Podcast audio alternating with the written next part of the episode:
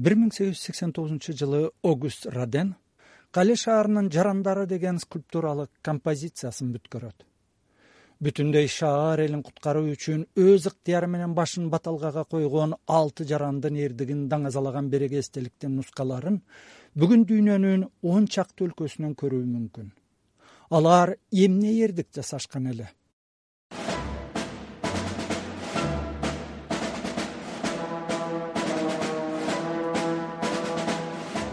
бир миң үч жүз кырк жетинчи жылы англия жана франция ортосунда ондогон жылдарга созулган куралдуу тирешүү башталат. Кандуу кыргын менен коштолгон каар заман жүз он алты жылга созулуп тарыхта жүз жылдык согуш деген ат менен белгилүү.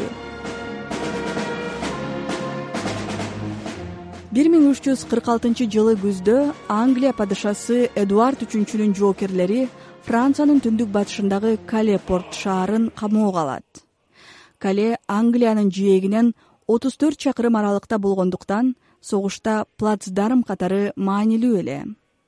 А шаарды жабыт катары колдонгон француз пираттары англияга такай жортуул жасап тургандыктан эдуард үчүнчү калени багындырып элин ийге келтирүүнү узактан бери көксөп жүргөн англиянын аскерлери бир миң үч жүз кырк алтынчы жылы августта крейсидеги салгылашууда филипп алтынчы баштаган француз күчтөрүн жеңгенден кийин калени курчоого алат. Кале бир жылдан ашык багынбайт. Шаарда азык түлүктүн таңкыстыгынан ачкачылык башталат. Ооруп сыркоологондор көбөйөт аргасы түгөнгөн шаар башчысы жан левьен апаатты токтотуу үчүн англия падышасына элдешүүнү сунуш кылат ошондо эдуард үчүнчү. Шаардын эң ардактуу алты жараны каленин коргонунун сыртына чыгып көйнөкчөн жылаң аяк жылаң баш моюндарына жиптери колдорунда шаардын жана чептин ачкычтары менен менин алдыма келишсин деп шарт коет.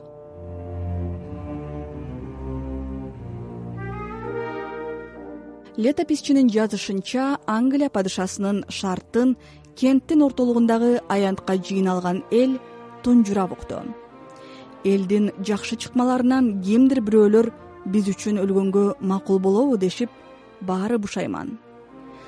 Топту жарып ортого шаардын кадырлуу аксакалы жана эң бай адамы эсташ де сен пьер суурулуп чыкты. Эмне деп алкаарын билбеген адамдар эсташ де сен пьердин бутуна жыгылып таат кылып жатышты.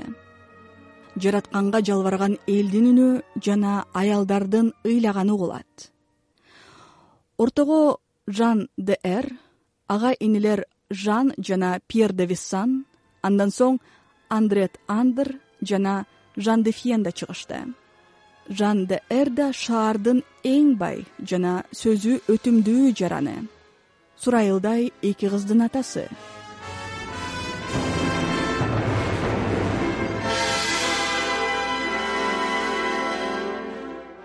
Эдуард үчүнчүнүн талабына ылайык өлүм күткөн алтоо сырт кийимин бутундагы өтүктөрүн чечишип этеги бучкакты жапкан узун көйнөк кийишет моюндарына кулдуктун жана шермендечиликтин белгиси. Жип байлап алышып шаардын капкасынан чыгышат. Алар англия падышасынын алдына барып тизе бүгүп отурушкан соң эсташ де сен пер эдуард үчүнчүгө кайрылат. Биз алты адам тең каленин тектүү жарандарынан болобуз. Сизге шаардын жана чептин ачкычтарын алып келдик. Сизден суранабыз кыйналып жаткан биздин шаардын калкына айкөлдүгүңүздү көрсөтүңүз бул сөздү угуп жатып падышанын жанындагы билермандардын көбү алты жарандын эр жүрөктүүлүгүнө тан берет. Тагдырына боору ооруп көздөрүнөн жаш төгүлөт.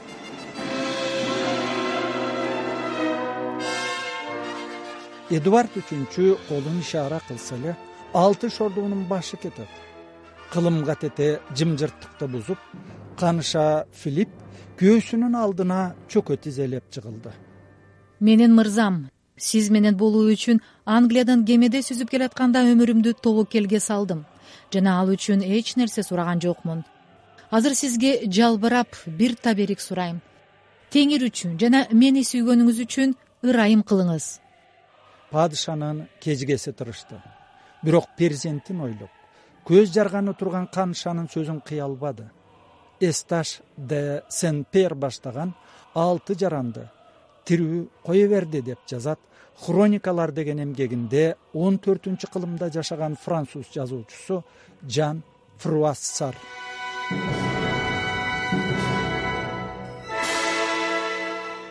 бул окуядан беш жүз жылдан кийин бир миң сегиз жүз сексен төртүнчү жылы кале шаарынын башчылары атактуу жердеши эсташ де сен пьерге эстелик тургузмак болуп конкурс жарыялайт сынакта айкелчи катары аты бир кыйла белгилүү болуп калган огуст роден утат. Ал алты айдан кийин сунуш кылган долбоордо эми капкадан чыгып бараткан алты кабыландын фигурасы. Топтун ортосунда сакалы бакжайган карыя эсташ де сен пер турат. Ал өлүмдөн коркпойт. Бирок өлүмдүн жүгү анын олбурлуу денесин жерге ныгырып тургандай көрүнөт. Жан жагындагы жан де эр клейген ачкычты көтөрүп алган удаай эле агайыны жан жана пьер де виссан турат.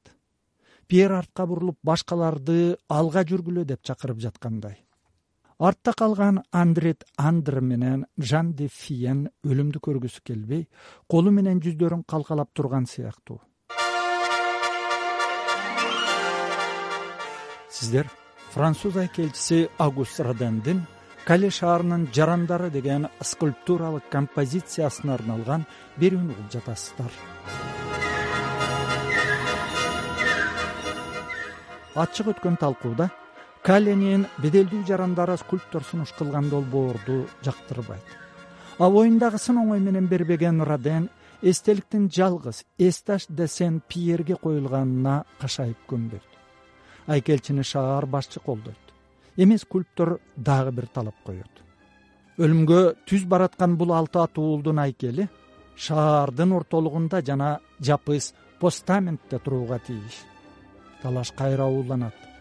Ал чакта эстеликти колодон куйганга жана орнотууга дасмия жок экени билинет бул талашта огуст роден летописчи жан фруассардын мына бул саптарын бетке тутат жылаң аяк жылаң баш моюндарында жибе колунда ачкычы бар алты жаран жанын кыйнаган түрдүү ойлордон корккондон жана сууктан калтырашып экинчи эч качан көрүшпөйбүз деген ишенимде туугандар менен коштошушту.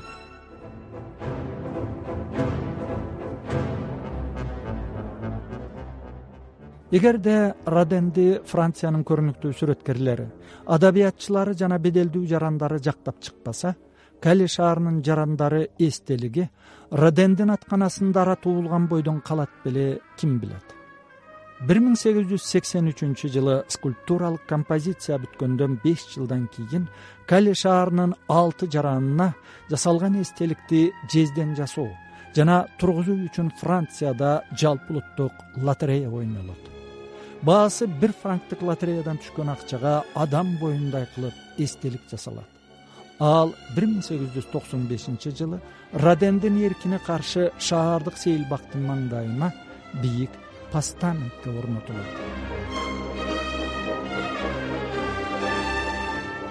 Кале шаарынын жарандары агуст роден акыретке кеткенден жети жылдан кийин гана скульптор өзү каалагандай каленин борбордук аянтына жапыс постаментке көчүрүлөт каленин даңктуу уулдарынын эстелигин брюссельде жашаган кыргыз сүрөткери ибрагим бакиров атайын барып көргөн.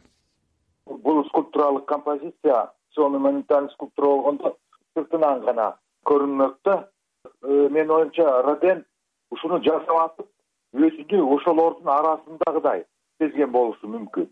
Ошондо ар бир скульптураны караган киши дагы ошолорго кошулуп ошолордун тагдырына мындай ортоктош болгондой сезим пайда болуш керек да. Себеби родендин өзүндө так ошондой сезим болсо керек. Мага да ошондой сезим болду да.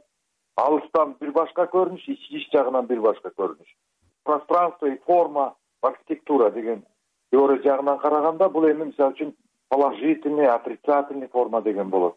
Ал жакта мисалы үчүн кээ бир формалар э, жейт пространствону а кээ бир форманы пространство өзү жейт өзү ичине кирип кетет. Ошондой эки жактуу көрүнүштү жасаган да бул жерде.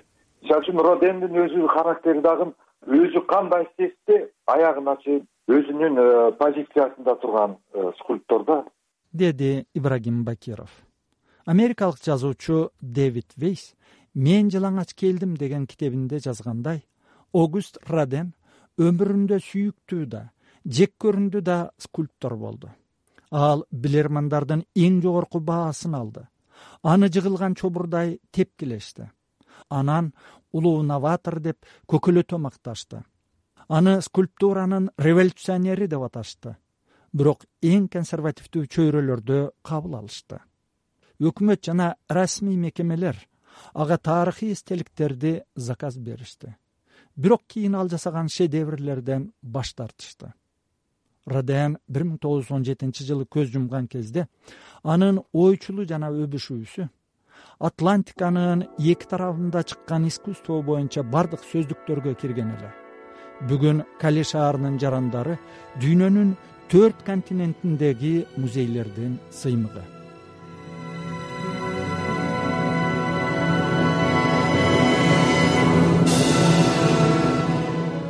огуст родендин бул эмгегин көргөн адамда непада өлкө башына карантун түшсө бизде да өз жанын курмандыкка чалып калкын кыйынчылыктан куткарчу эл жакшылары табылабы деген суроо сөзсүз пайда болот